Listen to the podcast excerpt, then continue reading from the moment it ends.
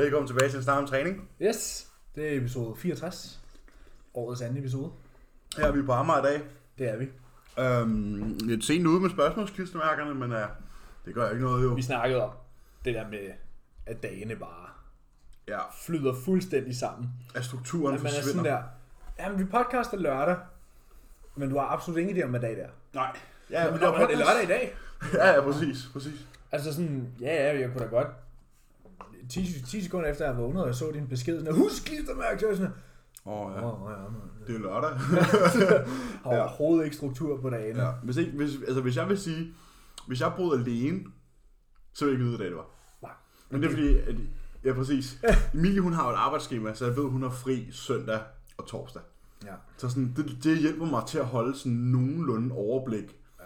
Plus at check-ins fra klienter kommer ind på bestemte dage. Jamen, der, er nogle, der, der havde jeg det sådan, jeg var nede og træne torsdags. Øhm, og lige pludselig så væltede det var med beskeder. Nå ja, det er til torsdag i dag. Ja, præcis.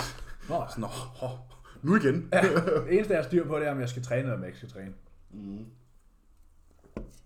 Ellers så tager vi det lidt, som det kommer. Ja. Der er ikke rigtig mange andre planer. Nej, desværre. Det er ikke fordi, der bliver lavet så meget PT nu om dagen. Nej, Uh, det, vi er har ikke vores eget gym jo. Det, nej, det har vi godt nok ikke. Givet vi havde. Uh, og det kan være, at vi har det på et tidspunkt. Um, Ja, jeg så- har lagt mærke til det. Så vil vi kunne træne nu jo. Mm. Mhm. det kan vi stadig, men så vi træne indendørs. Mm. Vi træne, som vi plejer. Ja. Uh, og det er jo super lækkert. Ja, men Men, one day. øh, men indtil videre, så er det jo ikke så skidt, det her. Nej, det går hurtigt, når man træner. Ja, Nå, nu er vi jo begge to sat på en times restriktion. Så går det ad dølmen stærkt. Ja, det er kort pause. Korte pauser, og jeg var godt nok, altså jeg trænede ben i går på en time. Det var nok noget af det sygeste. Jeg længere prøvet. Ja. Jeg vil sige, at jeg snød lidt, og så lavede jeg mine hammer curls uden for indhegningen, inden jeg gik ind. Har du biceps? Jeg har to sæt hammer curls på min bendag, Ja, okay. og så har jeg bare ikke noget drop set på mine preacher curls på pulldag. Så, øhm, så jeg lavede mine hammer curls lige inden, og så gik jeg ind, og så gik jeg i gang med at varme op på leg extension, og så zigzag opvarmede jeg selvfølgelig på line leg curls og leg extension. Det kræver også, at der ikke er nogen, der bruger den. Ja, det, det var der så ikke i går. Nej. Øhm, og så, øh, så gik jeg videre over og begyndte at varme op på min squat, imens jeg varmede op på min benpres, og så kørte jeg zigzag mellem dem. Og der skal lidt mere opvarmning til i det her vejr, og med de her lange lemmer, og jeg er bare ikke bygget til at have en stang på ryggen. Så, øhm, så det tog også noget tid. Så, øhm, men jeg fik det gjort, og alle tallene blev slået, og jeg har rivet rammerne røv ondt i benene i dag, og i lænden, og alle mulige steder. Så, øh, så vi glæder os til Ikke at skulle... ikke på en dårlig måde. Ikke på den dårlige måde. Nej, jeg var øm. Øh, jeg glæder os til at... Jeg er også lidt øm i min pæks efter i forgårs. Ja, det er også. Jeg glæder os til at skulle uh, træne ryg i morgen. Ja. Og lave dødløft. Ja, det, den glæder jeg mig helt Altså, det er mit højdepunkt lige nu. Hver, hver uge. Det er de der Dorian deadlifts. Men jeg elsker også dødløft. Ja, men det gør jeg ikke. Og det fik jeg halv- 190 for 6 sidst. Øhm, der lavede jeg den så også som første øvelse, skal jeg sige. Ja. Øh, men jeg kunne se, at jeg kunne godt nå resten af træningen bagefter. Så i morgen, der skal jeg så lave dem som nummer 5. Ja. Du skal bare holde tallene. Ja, præcis. Så tænker jeg, nu prøver vi at matche. Den, Ja, den må godt du ned til godt. 5. Det kan du godt. Ja, nu må vi se. Øhm, nu skal du jo også i Timberland, så nu er det lige pludselig vådt udenfor. To på du. Nå, ja, ja, men jeg havde, sidste gang havde jeg bare sokker. Ja, det har jeg også. Jeg synes, du løfter du løfter også bare i strømper. Nå, får du ikke mega... Jamen, der er overdækket. Ja, det er der. Ja, det er så også. Og jeg står på en måtte. Der er ikke Nej, overdækket. det gør jeg ikke. Jeg står på jorden, fordi ellers så er der ikke nogen grund til at have skoene af. Nej. Nej. Øhm, men det vil jo fint. Jeg tager bare de døde dage, jeg døde, så har jeg to på strømmer på, fordi at, så kan jeg godt tillade mig at tage skoene af, når jeg skal lave mine to sæt barbell over rows og mit ene sæt dødløft. Ja. Altså, så står jeg bare i racken uden sko på, og der er heldigvis ikke vådt. Nej. Så det er fint nok. Nu må jeg se. Men øh, min hack squats i år var i Timberland, så det var super nice. Altså, Luke Sando, de træner jo i boots. Ja, nok ikke Timberland. Var det, Jo. Ikke, var, var det? Ja. De træner i sådan nogle rigtige boots, sådan nogle, altså militær boots. Ja, jeg foretrækker at have mine, øh, mine fødder bare. Det gør jeg også. Det jeg også Men, godt forstå. øh, men ja, altså, jeg har fået, øh, nys om, at der i morgen kommer mere udstyr ud i Anker. Øhm, så det bliver nice. Nu ser vi, hvad der kommer. Jeg har fået Mm. nys om, der skulle komme en leg curl og sådan noget. Det var meget rart. Ja, altså trænet ben i går. Fem mennesker øh, til fire maskiner, og det ene er en kickback, ikke? Ja, så kan det også godt begynde at blive lidt underligt. Ja. Øhm, så. Men det er bestemt meget bedre end ingenting. Mm. Og nu er det jo bare om at få det bedste ud af, af det her. Så vi kan være så gode som muligt, når vi engang bliver sluppet løs igen. Ja, altså det vigtigste er jo bare, at man ikke har regression i sådan en fase. Ja. Det vigtigste er jo bare, at man, Ja. at man jo sådan holder sådan maintenance point. Hvis man ikke er lige så heldig som Borat og jeg, og har mulighed for rent faktisk at lave progression, så er det vigtigste bare, at man ikke oplever regression. ja, men som jeg også har sagt til mange af mine klienter, det kræver virkelig ikke meget at vedligeholde muskelmasse. Nej, nej, bestemt ikke, bestemt ikke. Øh, så, så hvis man kan stimulere nok til, at det bare er sådan der, hey, du, du, du skal ikke gå nogen steder, jeg har stadig brug for dig. Det kræver ikke særlig meget, og det kan de fleste opnå derhjemme. Ja, det var det, vi snakker om. Det er bare at lave et øh, tre sæt failure push-ups og tre sæt failure pull-ups. Jeg tror faktisk, du kan slippe afsted med sådan der, du tror, du kan slippe afsted med at lave sådan der tre failure points om ugen mm. til en given muskel, så, øh, så burde du kunne vedligeholde det nogenlunde givet, at du passer din, din mad og Ja. lever forholdsvist. Øh, Callum havde jo sit, øh, sin off-season på tre sæt per muskelgruppe om ugen. ja, præcis. Så det er bestemt nok. Ja, det er tier 1 fortitude training. Så Ja. ja. har man øh, et working set per muskelgruppe Tre gange om ugen. træning, tre gange om ugen. Ja. Ja. Det var Det er også, så også kun store moves. Altså sådan der, så er det sådan der, så er det squats, ja, dødløft, high incline press. dips, sådan nogle ting. Men altså, det er det, jeg det kunne altså være meget sjovt med det fortitude training der. Ja, men øh, jeg, har faktisk, jeg har faktisk lige fået træningsspil. En nyt træningsspil. Øhm, Ja. Fordi nu, øh, jeg, nu har vi kun en time. Nu har jeg fået delt det lidt mere op. Så nu har jeg øh, push, pull, rest. Og så har jeg så en arm- og skulderdag. Og så bendag, og så hvile igen. Så det er en, stadig hvile hver tredje dag, og så en frekvens på hver sjette dag. Ja. Så en smule mere recovery time. Ja, men det er mere bare for, det var mest for sådan der condensed sessions, Mm. så jeg kan nå mere Ja. arbejde. Øh, Så det ikke er sådan, at du går ind og træner push en time, og skal nå sådan der tre presøvelser og laterals og triceps. Mm. Så, så, det, så har jeg for eksempel fået en fly ind i stedet. Mm. Triceps taget, så har jeg fået en fly bevægelse i stedet. Og- Ja. Ja, ja. Men så får kær, øh, armene og skuldrene lidt mere kærlighed. Mm. Nu får du dig en dag, Ja, præcis. så det gør ikke noget. Med en hviledag inden, så er det faktisk næsten to hviledage i streg. Ja. Når man skal træne arme og skulder på en time, så, så er det en en aktiv hviledag. Det er en aktiv hviledag. Så har jeg fået det der øh, øh, cluster øh, lateral set, du også har fået. Ja, det er rigtig ulækkert. Jeg glæder mig. Ja, det, altså, jeg føler lidt bare, at jeg står sådan... Det skal jeg så på tirsdag. Det tager lang tid, synes jeg. Jeg synes, det tager rigtig lang tid. Ja. Ja. Men altså, det er jo, hvad det er. Hvad, Jeg har det også på det er pull. sådan der 20 reps, og så skal du have 20 sekunders pause, indtil du ikke kan gennemføre en rep. Ja, med 3 3 Au. Ja. Au.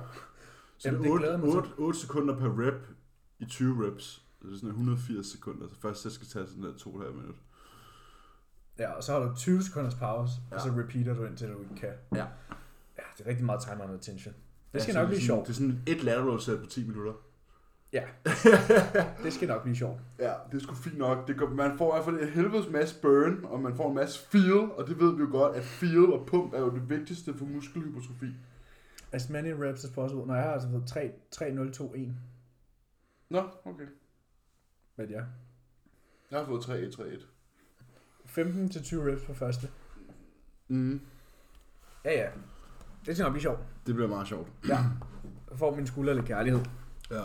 Men som sagt, man skal være glad, hvis man har noget at lave her i disse tider, og hvis man ikke har, så er det ærgerligt. Det er forhåbentlig øh, sidste gang, vi skal igennem det her. Ja. Og det er forhåbentlig med krydset fingre ikke så lang tid endnu. Nej, nu må vi se. Måske lige en måneds tid eller et eller andet. Ja, Nu må vi se. må vi lige se, ikke? Ja. Hvad hedder det? Så vi synes, at I skal holde hovedet højt derude, venner. Og så øh, kan man jo, hvad hedder det, øh, kan man må man jo gøre, hvad man kan. Altså, jeg vil sige, jeg synes også, det er svært de her tider nogle gange.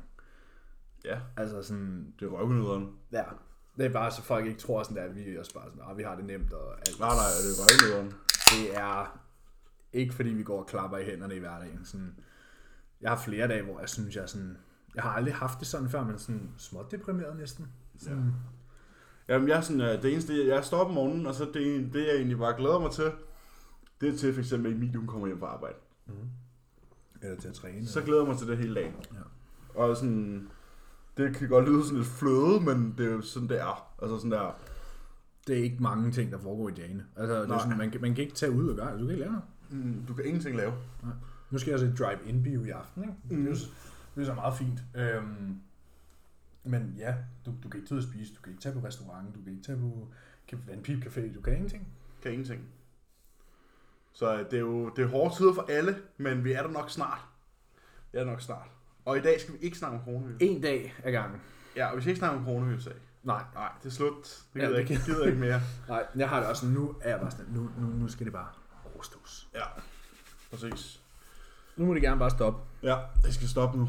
Øh, jamen, hvad har vi på bordet i dag? Vi skulle snakke lidt om øh, det der med at veje sin mad, ikke? Ja, det kan vi lige tage hurtigt. Øh, Ja, for det, der, jeg, jeg kan ikke forstå, hvordan det kan være en lang diskussion. Nej, det kan jeg heller ikke. Men sådan, er, sådan har vi det jo tit. Men det er jo ikke alle, der er enige. Hvad hedder det? Um, jeg kunne forstå, at du var blevet tilnærmet øhm, med, en, øh, med en forspørgsel. Ja, der var en, der, der, der, der skrev til mig på Instagram om, omkring det her med, om, hvorfor vi vejede vores mad råt Ja. og ikke tilberedt. Hvor jeg jo synes, det super simple svar er, jamen for det første, fordi næringsindhold er opgivet i rå mængder. Mm. Og for det andet, fordi den, den tilberedte vægt kan variere rigtig meget. Det kan variere fra alting. Ja, i forhold til, hvordan du tilbereder din mad. Bare tag ris. Altså sådan der 100 gram ris, altså i råvægt, kan være alt mellem 200 og 600 gram efter tilberedning. Mm. Afhængig af, hvor meget vand du giver det. Og jeg tvivler på, at det er de fleste, der vejer deres vand, når de koger deres ris, så de ved, at det bliver det samme resultat hver gang. Det er kun mig, der gør det. Jeg, jeg, jeg er så også begyndt at gøre det, men det er mere, fordi jeg ikke vil have, at At de fylder for meget. Ja.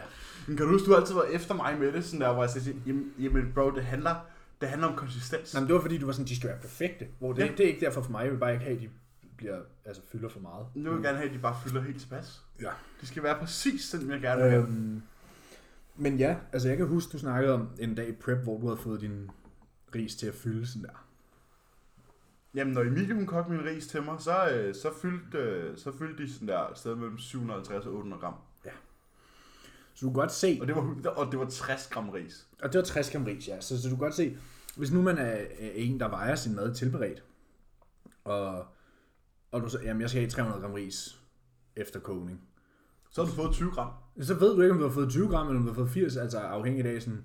Og, og en anden ting, det, den jeg altid har spørgt, stillet spørgsmål ved, det er sådan der, okay, så, så hvad, så du koger ris, og hvad så, hvis der ikke er nok?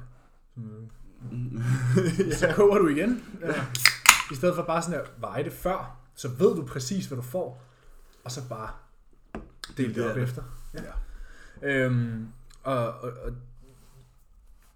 jeg havde den her diskussion øh, på Instagram, fordi vedkommende påstod, at øh, hvis du har 200 gram kylling, og du tilbereder det, og der så er 130 gram bagefter, så er der jo forsvundet 70 gram. Så er, der, så, så er 70, proc- altså, så er 70 gram jo blevet væk. Nej. Og så er der jo mindre protein i. Nej. Fordi, og, og, og så kom den endnu værre, øh, men det er jo vand. Så er den, hvordan kan der forsvinde protein, hvis det, der forsvinder, er, Er vand. er vand? Ja. Så sådan, jeg synes, det giver sig selv at, at veje sin mad i rummet. Også fordi sådan, kartofler, nu har jeg prøvet at lave på mange forskellige måder, de vejer meget forskelligt afhængig af, hvordan du tilbereder dem. Ja. Øh, kylling kan også, og oksekød især, og sådan, de ting, du steger. Der er sgu forskel på, om du putter det i ovnen, om du steger, hvor meget du steger Ja, det. slow cooker det. Ja, altså sådan, der er virkelig stor forskel på... Øh, Sådan et 800 grams kalkunbryst, ikke? Når det bliver slow cooket. ja, Det bliver til 550 gram. ja, præcis.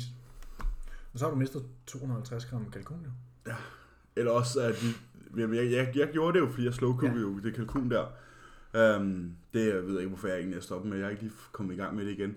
Hvad hedder det? Um, men det var jo sådan, at der var 40 gram protein. Det var 120 gram kalkun. Ja.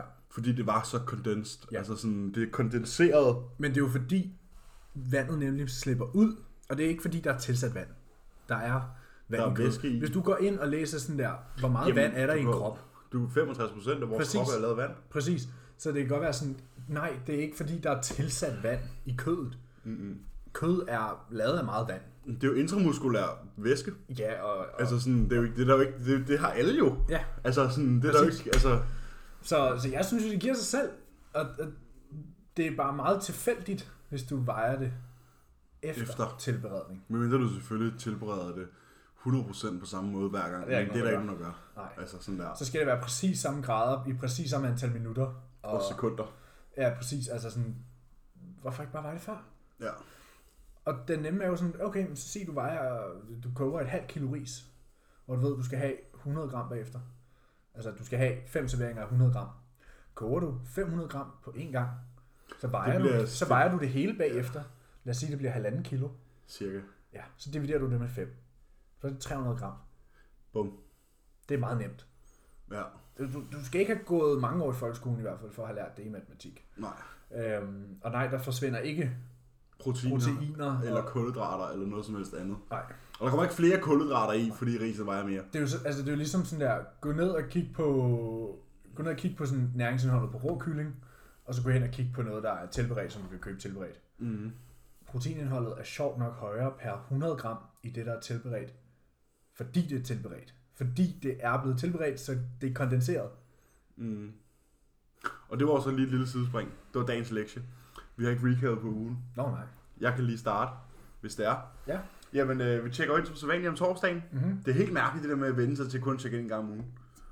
Ja, men til gengæld skal man udfylde øh, et helt Ja, spørgeskema til hver gengæld skal man så tjekke ind hver dag. Ja, du skal udfylde et helt spørgeskema hver Ja, dag. jeg vil sige, jeg har været lidt slem til det. Altså, du udfylder det en gang om ugen, eller hvad? Ja, Jeg har nu siddet onsdag aften. Eller, Hvordan kan du så huske? eller torsdag morgen. Sådan at udfylde det. Men det er jeg stoppet med nu. Jamen, gør jeg det. Hvordan kan ikke huske det helt tilbage? Ikke rigtig sådan... Du kan ikke huske, hvor mange lort, du har lagt hver dag. Nå, for det er sgu rimelig gennemsnitligt. Sådan, jeg ligger Nå, pretty ja, much ja. tre lorte om dagen.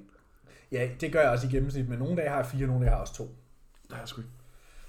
Jeg er pretty much Det, bare tre. det, det, er også sådan der, en gang om, en gang om ugen, eller en gang hver anden uge, er det sådan, er der en fire, og nogle gange er der en toer.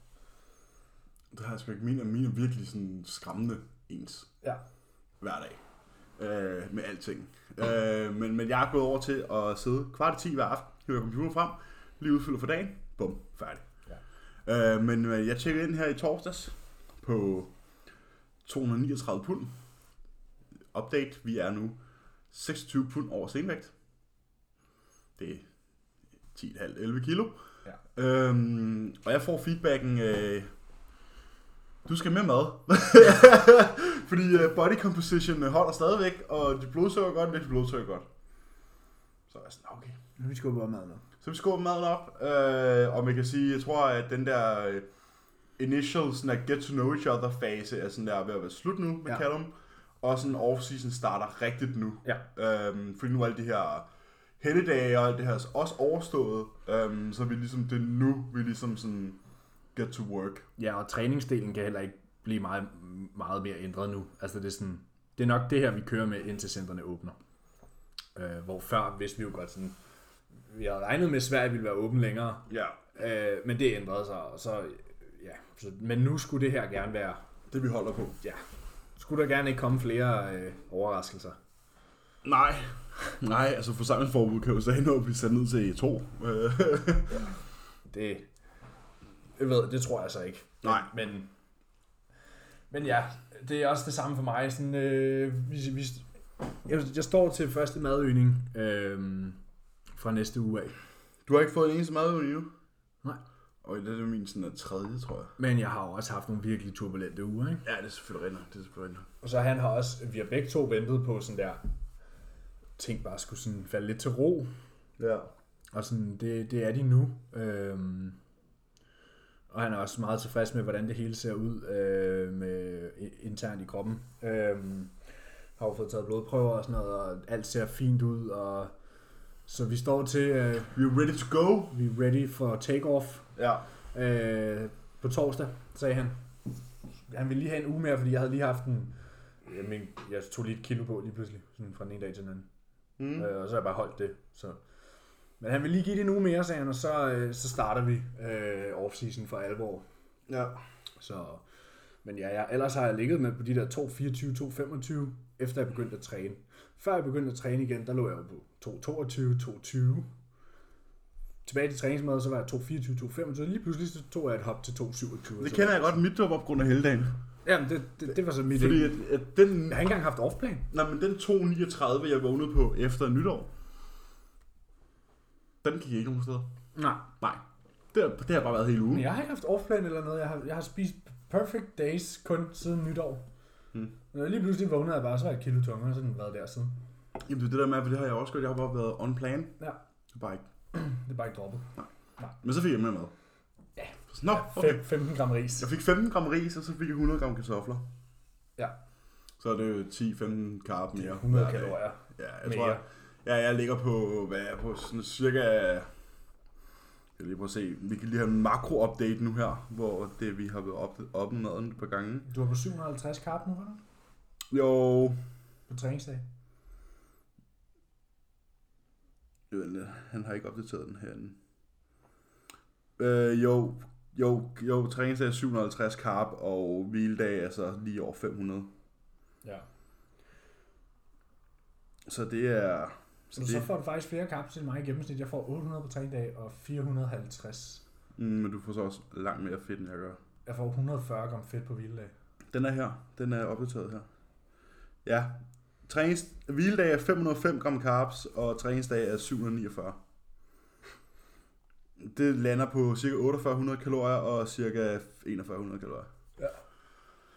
Så det er blevet, blevet carb galore. Og hvad er fedt? Var det 80 og 100 eller hvad? Nej, nej, nej, slet ikke, slet ikke, slet ikke. Træningsdags fedt er 60, og hviledag er 90. Ja, okay. Der får Og jeg begge- 80 og 140. Ja, og begge dage er 300 gram protein, ikke? Det er også det sådan, at nu så jeg Bridgman. De starter jo snart hans prep. Ja. Og den peak off-season eating, det er sådan... Er det ikke 300, 800, 140? Jo, det er jo det, jeg får nu. Ja. Det er det, jeg får nu. Mm. Før vi starter skubbet. Det, det er jo det samme. Og- Cycles er jo ja, også, Det er, det er sygt. Jeg ved ikke, hvorfor vi to... skal have så meget mad. Nej, Det er fucking irriterende.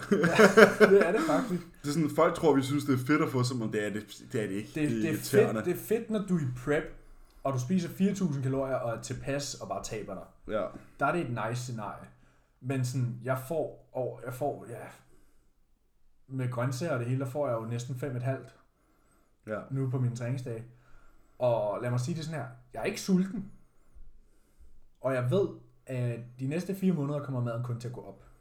ja. Og det er ikke, det er ikke sjovt. Jeg kan se her. Og det er jo ikke fordi, øhm, vi, jeg, altså jeg arbejder ikke, altså før var vi sådan noget, at vi var aktive i Netto og sådan noget. Det er vi heller ikke. Nej, Sidder bare på sofaen. Spiller Ja. Warzone. altså sådan, at nogle dage går jeg ikke engang 10.000 skridt. Ej, det gør, jeg får 10.000 skridt ind, men det er, Ja, fordi jeg går til og fra gym. været- Mit gennemsnit har også været øh, over 10.000 om dagen, men sådan, jeg har nogle dage på sådan der 8. Ja. Du kan se her, øh, nu er inde lige inde på Team Cycles, som også er Callums klient. Ja. Øhm, Han har alle de drenge der. ja, han, øh, han får omkring 3800 kalorier. Og, øh, Det er det, jeg slutter bread på næsten. mm, og han vejer 109 kilo. Ja. Det er vanvittigt, hvordan nogle mennesker skal have så lidt mad. For, Jeg tror bare, det er os, der skal have rigtig meget. Jamen, det er fucked Det, up. det er ikke os, der er, Vi er ikke normale med det der. Nej, måske ikke. Hvordan kan man få 3800 kalorier og veje 109 kilo? Men det er også det, igennem sådan der, de sidste to uger i december, jeg spiste min vilddagsmad hver dag. Jeg trænede ikke. Ja. Jeg fik over 4.000 kalorier om dagen. Jeg tabte mig. Ja, det er mærkeligt. Men øh, nok om det. Nok om snak. Har Og, du... og, og, det er jo ikke fordi, der er, noget, så, der er nogen, der siger til os, ja, så er det jo fordi, I ikke fordøjer maden og bla bla bla. Men sådan der. Jeg har no digestive issues. Sådan der. Regular bowel movements, altså sådan, Jeg blev sulten i løbet af dagen.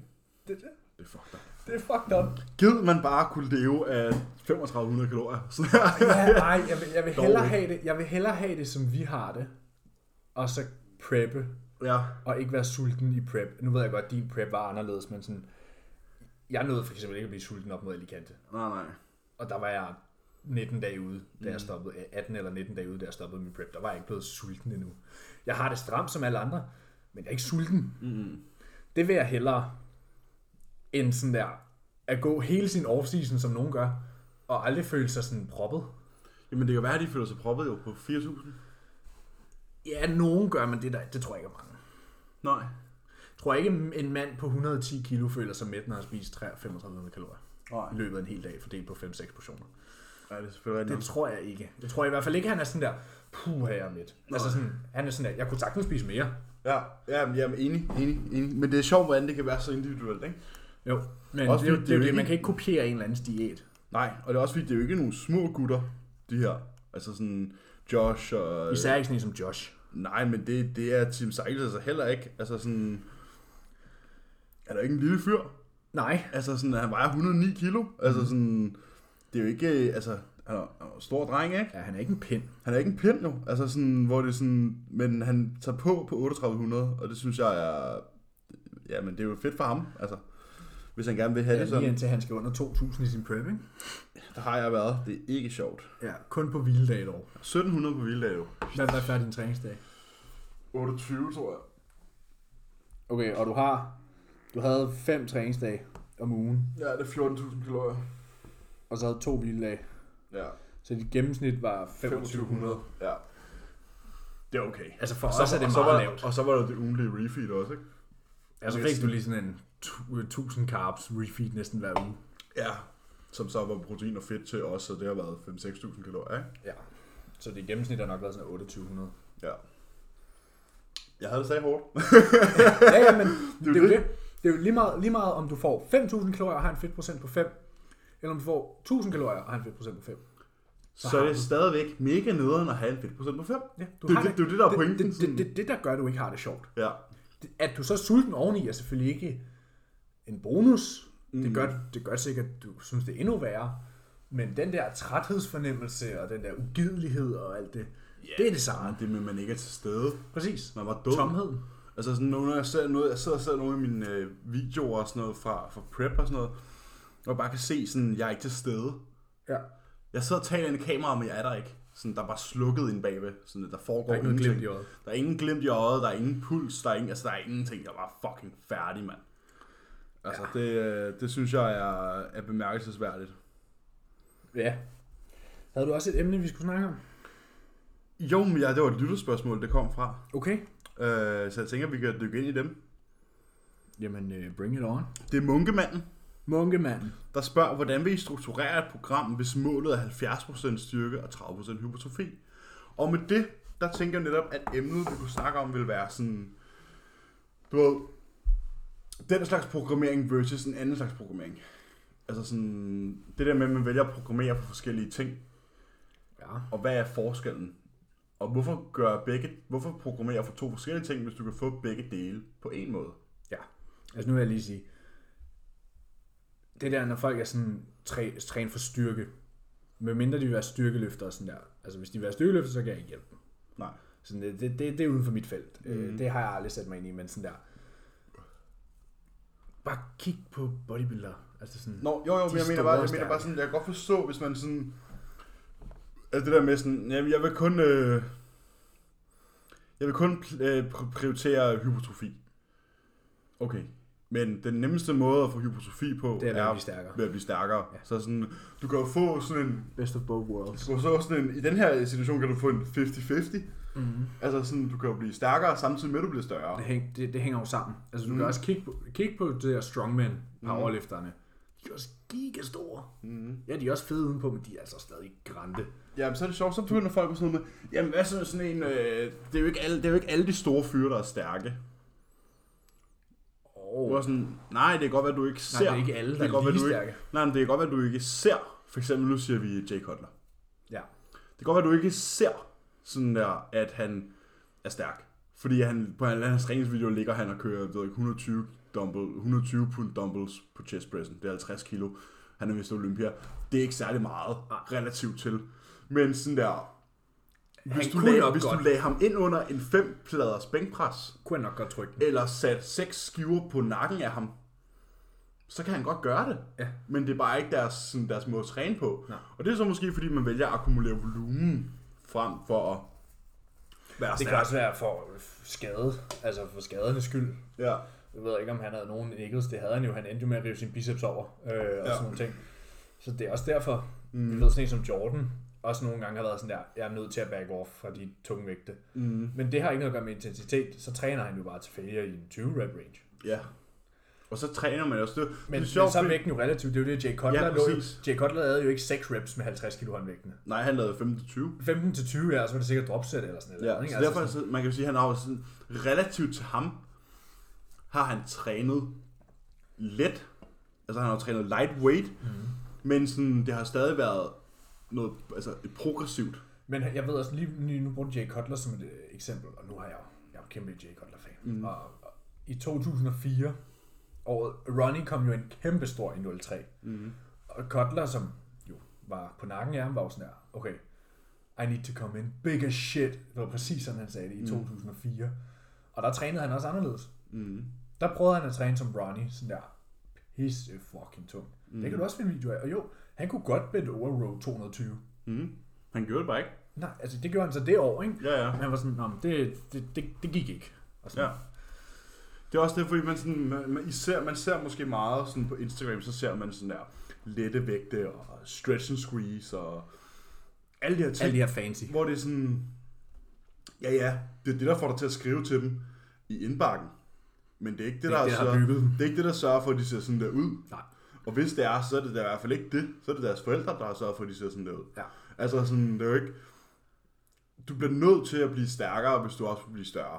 Ja. Sådan, ellers så skal du temmelig manipulere. Muskelstørrelse og styrke hænger sammen. Ja, fordi at musklens størrelse er relativt til, hvor stærk den er. Mm. Jo større, jo større musklen er, jo stærkere er den. Ja. Det er sådan, at du bliver ikke stærkere, fordi du bliver større, du bliver større, fordi du bliver stærkere. Ja. Altså sådan, det, og det er måske, og det har jeg måske sagt før, men det, men det er jo sådan, det er. Altså sådan, så jeg forstår godt, jeg har også nogle gange set folk. Men det er også, hvis du ser sådan en som, nu bruger jeg Kai Green, Mm. det er heller ikke meget tungt arbejde, du ser ham lave. Nej. Altså sådan, men, men jeg har da set videoer, hvor han overhead presser 5 skiver. Ja, ja. Præcis. Altså sådan, så de kan godt. Mm. De gør så- det bare ikke. Nej. Det, og det er jo måske bare deres måde at træne på. Det er måske meget den, der, sådan her, den amerikanske måde at træne på. Mm. Som, Ja, altså, for undtagen Labrada og Rough Diesel og de drenge, Ja. ja. som er oppe i tiden nu og vinder shows. Så Øh, er nok dem, der træner på samme måde. ja, hvad hedder det? Um, men jeg kan godt forstå det der med, at folk er sådan, ah, men jeg vil gerne programmere for det her, og programmere for det her, og programmere for det her, men man skal bare huske, Broad strokes. ja, altså sådan der, put nu skalpellen ned i baglommen, men, og så sådan der, brug mukker den i stedet for. Ja, prøv lige at sådan kig, kig i spejlet måske, og så vurdere sådan der, om, om du er en, der skal bekymre dig, hvor mange procent styrke, og hvor mange procent hypertrofi. Præcis. Altså sådan, jeg tror, jeg vil faktisk lige citere vores, øh, vores kollega, Daniel Riskov, Ja. og sige, der er jo ikke nogen grund til at træde over en 1000 kroner for, for at samle en 20 op. Ja. Fordi det- jeg kan huske, at han sagde, at det er genialt. Det er genialt sagt. Der er ingen grund til at sådan der, træde over en 1000 kroner for at samle en 20 op. Nej. Det vil sige, der er ikke nogen grund til at gemme volumen til for eksempel et uh, triple dropset på en pec deck fly, hvis du kunne lave to sæt uh, high incline press mere. Ja. Sådan, lav det, der tæller. Ja, Sådan- prioritere penge på dem. Prioriter pengepunkten på det, du kan restituere fra, og det, der rent faktisk virker. Mhm. Du kan også se vores hjemmetræningsprogrammer nu, eller vores træningsprogrammer nu, de er sådan der baseret omkring de sådan der, det, der virker. Det er de store løft. Leg extensions, ham curl, squat, benpres. Bang. Der er ikke så meget fis. Pull-dag, øhm, en øh, pull-down, nej, jeg har pull-ups, pull-down, step back row, bend over rows, dødløft.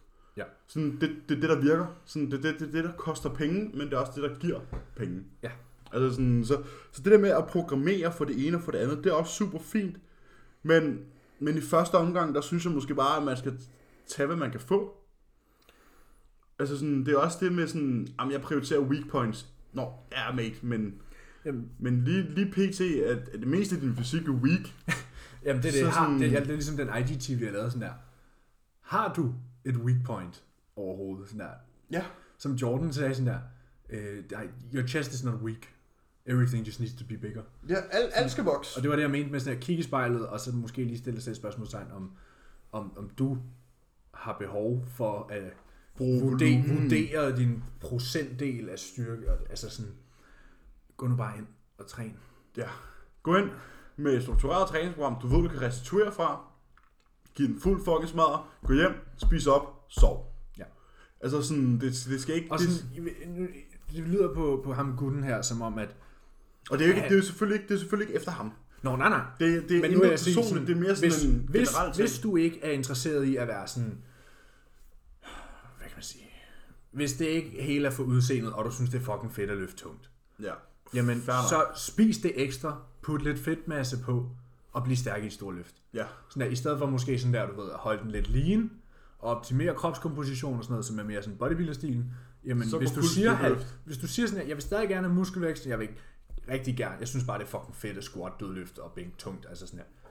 Be my guest. Mm. Spis lidt ekstra, bliv lidt blød, løft Mm. noget tungt. Ja. Lav rep ranges, tunge ja. løft. Og, men, Bare men, der, men der er der stadigvæk, derfor er der stadig struktur, hvis du skal være styrkeløfter. Ja. Men sådan, det der med at dele procentdel op i styrke og hypotrofi og sådan, det kan man sgu ikke rigtigt. Nej. Altså sådan, enten er det sådan noget Jeg bodybuilding, tror, jeg, jeg eller tror også er det hvis, stærk hvis, du, hvis du spurgte sådan her The Mountain, hvor mange procent øh, styrke og hvor mange procent hypotrofi er dit træningsprogram delt op i, så vil jeg sige, hvad snakker om? Men det ved jeg ikke. Ja, det ved Altså, jeg. hvis du spørger, ja. Ja, jeg har det bare sådan lidt, ja. Hellere få begge dele. Ja. Altså Og det bare hænger jo også sammen. blive stærkere i processen. Ja. ja, det er rigtigt, at Jeg tror, at der hvor mand- forskellen ligger, det er sådan der accessory work, madindtag. Ja. Det er der, de to store ligger i forhold til, sådan, hvordan du ser ud. Mm. Ja, men enig, enig. Men det er også, ja, det er rigtigt, at stærkmænd ikke ser lige så muskuløse ud som bodybuildere. Og det er, Men de, de givet, dobbelt så store. det er de givetvis heller ikke. Altså sådan, De er dobbelt så store. jamen hvis du stripper dem ned, er deres fysik ikke lige så pæn. Nej, men det er fordi, de ikke laver alt det her accessory work. Præcis. De står ikke og laver lateral raises og biceps. Det gør de måske nu. Igen, jeg er ikke ekspert.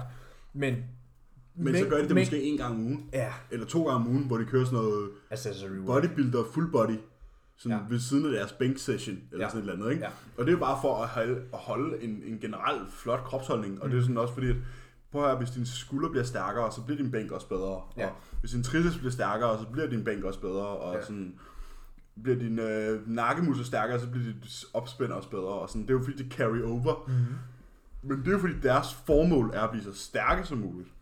Så man skal beslutte sig for at Ja, blive... så de prøver ikke nødvendigvis at udvikle de her sådan rent hypotrofimæssigt. Nej, de søger ikke. De prøver søger- ikke at de- få 50 cm arm. de søger ikke hyperplasia. Det gør de ikke. Altså sådan, hvis du gerne vil, sådan, enten vil du gerne blive større, rent kosmetisk, eller vil du gerne blive stærkere, rent fysisk. Ja. Så må du vælge. Men man har, jeg vil bare sige, at hvis man fx gør, som vi gør, hvor man træner med henhold, altså med fokus på at blive stærkere i givende rep ranges, i givende øvelser, så vil du bare både blive større og stærkere. Du får begge dele. Og jeg vil sige, jeg vil, altså jeg vil sætte mig selv som en fornuftig dødløfter for eksempel. Mm. Jeg skal altså lige Men jeg dødløfter for eksempel, jeg to sekunder, men jeg dødløfter for eksempel ikke, ligesom jeg vil gøre. Hvis nu har jeg puttet alt mit fokus på min dødløft, så vil jeg da være meget stærkere. Ja, så vil du dødløfte tre gange om ugen, Ja. to sæt, og vil virkelig drive, Ja. sådan, og lave accessory work, der hjælper din dødløft, ja. og alle mulige ting. Men det gør vi jo ikke. Nej. Vi får det hele. Mm-hmm. Yes. Jeg tisser lige. Så for at opsummere, sådan, jeg kan ikke se, at der er en grund til at putte flere penge i den ene. Det er Trompetspiller. trompetspilleren ovenpå. Ja. Øh, flere penge i den ene ko end i den anden ko, hvis man kan få begge dele. Igen kommer han på. Ja, ja, selvfølgelig. Hvis man har et ønske om at være den stærkeste fyr, øh, Ja. tillykke med det. Så kan Så- slippe på appsen. Så, så kan I slippe på appsene, øh, og så gør det. Og man ser der også nogle helt vildt øh, spinkle fyre, som dødløfter, squatter og bænker helt vildt meget. Mm.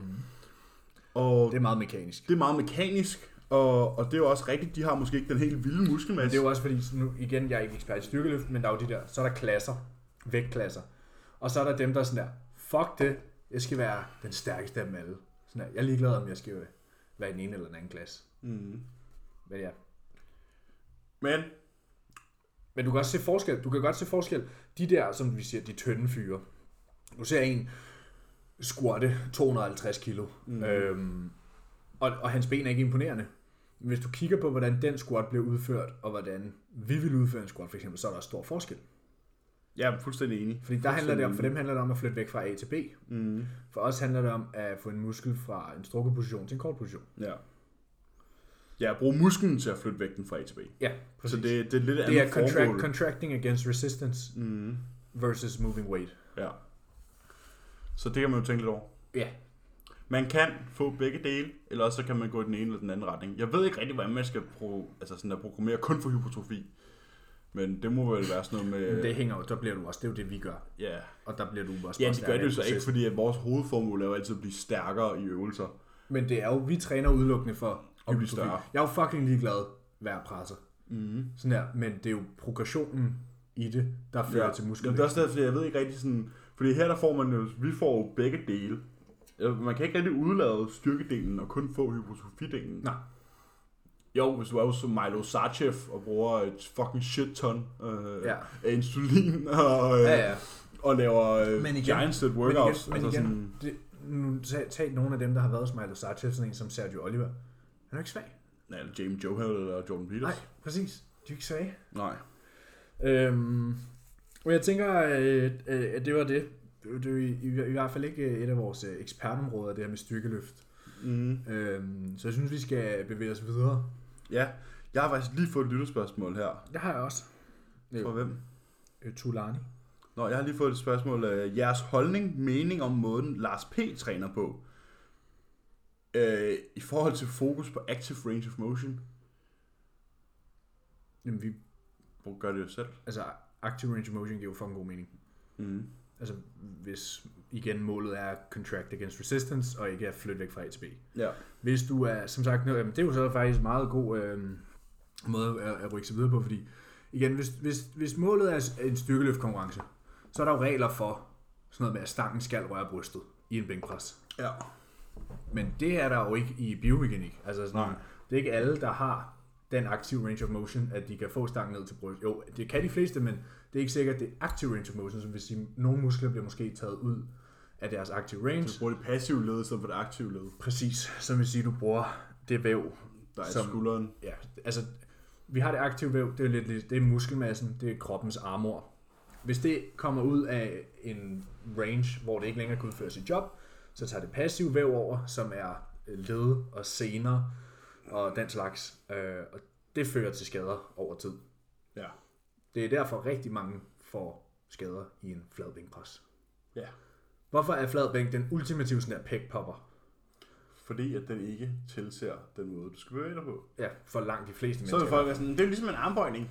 Det er det så heller ikke helt. Nej, Sådan, Hvad mindre du vejer 180 kilo, ja, ja, præcis. og præcis. du står på hænderne, når du gør det. Og sådan, mm. Mm. altså, Nej. Hvad hedder det? Nej, men vores holdning til den måde, Lars P. træner på, altså nu ved jeg ikke, nu er vi jo kollegaer med Lars og, og sådan nogle ting, og det, det, jeg synes, det, er fedt, at øh, ham og Øland, Daniel Øland for eksempel, har, er begyndt at få mere fokus på sådan det biomekaniske. det har Lars haft i lang, lang tid. Nå jo, men jeg synes, det er fedt, at der er nogle andre, der har det. Mm. Øh, jeg synes, det, det synes jeg, det, det kan jeg da godt rose. Øh, det synes jeg er fedt, at der bliver taget højt for det.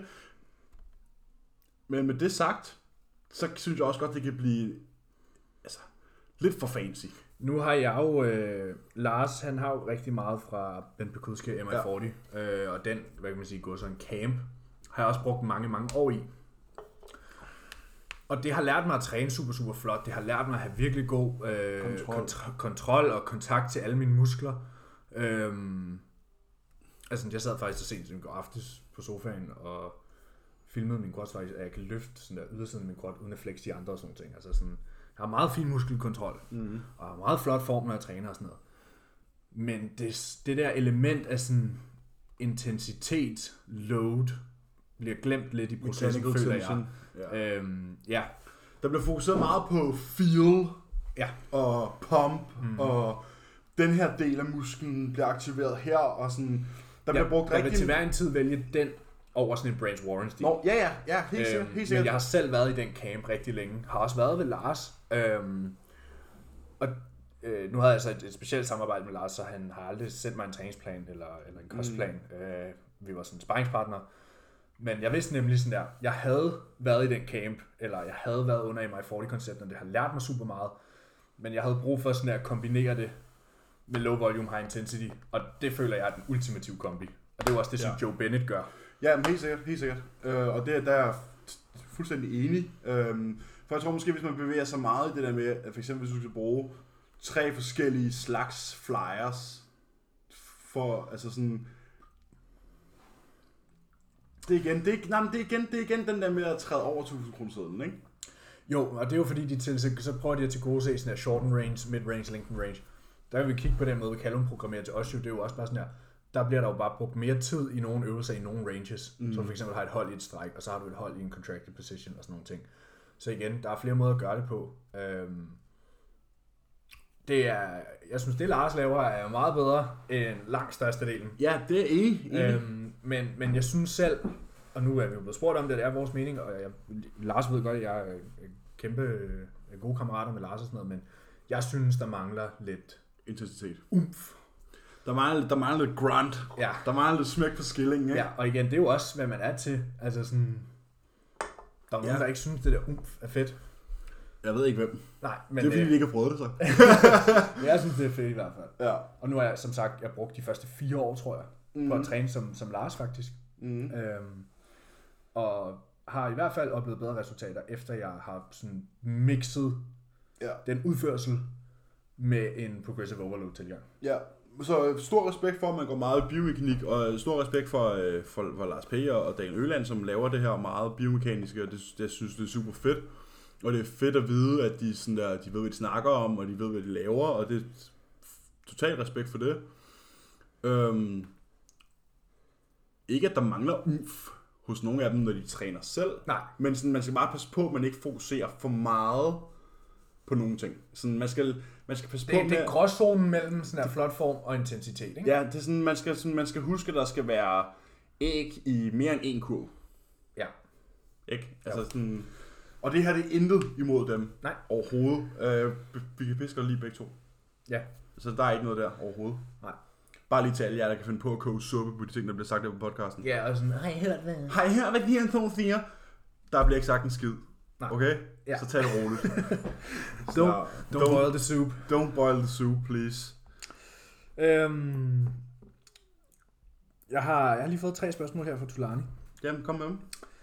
Øhm, kan I huske det øjeblik, I vidste, at I ville forfølge en karriere inden for bodybuilding? Øh, ikke det specifikke øjeblik. Altså, jeg vil heller ikke sige, sådan, jeg har et sådan der, en, en åbenbaring. Wow. Øh, men jeg kan huske, jeg havde et, hvor jeg var sådan der, okay, det her, det skal jeg. Og det var, jeg tror, jeg havde trænet i måske et, mellem et halvt og et helt år. Og, og, og jeg havde bare trænet du for sjov. Jeg synes, det var fedt. Øh, været nede i træningscenter, jeg kunne godt lide det, og blev øm og sådan noget. Jeg synes, det var fedt. Og så, så begyndte jeg jo at være sådan der. Så begyndte jeg at se, så så jeg Pumping Iron, kan jeg huske. Ja. Det skulle man jo. Lortefilm. Men sådan der, det der med, at de poserede på scenen og sådan noget, så blev jeg grebet af det. Så sad jeg bare på YouTube og så sådan der øh, gamle Olympia-videoer. Og så kan jeg huske, at jeg så en posing routine, hvor jeg var sådan der, det her, det er fedt. det skal jeg. Og det var Sean Ray i 88, tror jeg. 88 eller 89. Ja. Hans posing routine derfra, hvor jeg bare var sådan der, okay, det der, det er peak. Det der, det er peak. Bare man ikke ender ligesom Sean Ray. Ja, ja, røvhul. Fucking røvhul. Ja. Men, men der, der havde jeg et øjeblik, hvor jeg var sådan der, der blev jeg sådan der, okay, det her, det skal jeg. Ja. Jeg skal i hvert fald prøve det. ja. Og så vil jeg sige, anden gang jeg var på scenen, Iron River 2018. der kan jeg bare huske, at jeg stod på scenen og sådan der, det her, det er hjem. Ja, jeg havde faktisk, den havde jeg faktisk lidt i Polen. Ja. Der nød jeg det enormt meget. Ja, synes, det var fucking fedt. ja præcis, der var sådan her, Altså det her, det skal jeg igen. Ja, ja, præcis. Og sådan, der er ingen sceneskrej eller noget, det er bare fedt. Mm-hmm. Så det, det giver jo lidt sådan, et, et, sådan en, en realisering, ikke? Jeg tror, nu er jeg jo typen, der er meget sceneskræk. Selvom, øh, Det plejer altså at være. Jeg har, jeg har det vildeste præstationsangst. og det havde jeg godt nok også til, øh, til Newcomers. Ja. Øhm, men så var det jo 11 måneder senere, at jeg stod på scenen til Iron Ripple. Mm. Men jeg kan godt mærke, næste gang, så er der gået 3,5 år. Der Ja. kan jeg måske godt være lidt... Øh, Old Rusty. Jeg er lidt rusty. Øhm, Ja. Men ja, så jeg har bestemt haft, jeg har haft sådan et moment, hvor jeg var sådan, okay, det her, det skal jeg prøve, det her, mm. det virker fucking fedt. Og så har jeg haft, hvad kan man sige, sådan, den der, hvor sådan, bekræftelsen. Ja, Ja. i at det, det er fucking fedt. ja. Øhm, skal jeg bare fortsætte, han har, han har flere? Ja, kom bare. Kan I give en kort liste over coaches eller professionelle atleter, I måske selv ser op til, som I mener, man burde følge for at udvide ens viden om træning, kost, mindset, generelt bodybuilding, ud over jer selv selvfølgelig? Den har vi, vi har lavet sådan en liste før. Jeg Ja. kan hurtigt nævne mange. Jeg vil bare nævne nogle af dem, vi har snakket om indtil videre.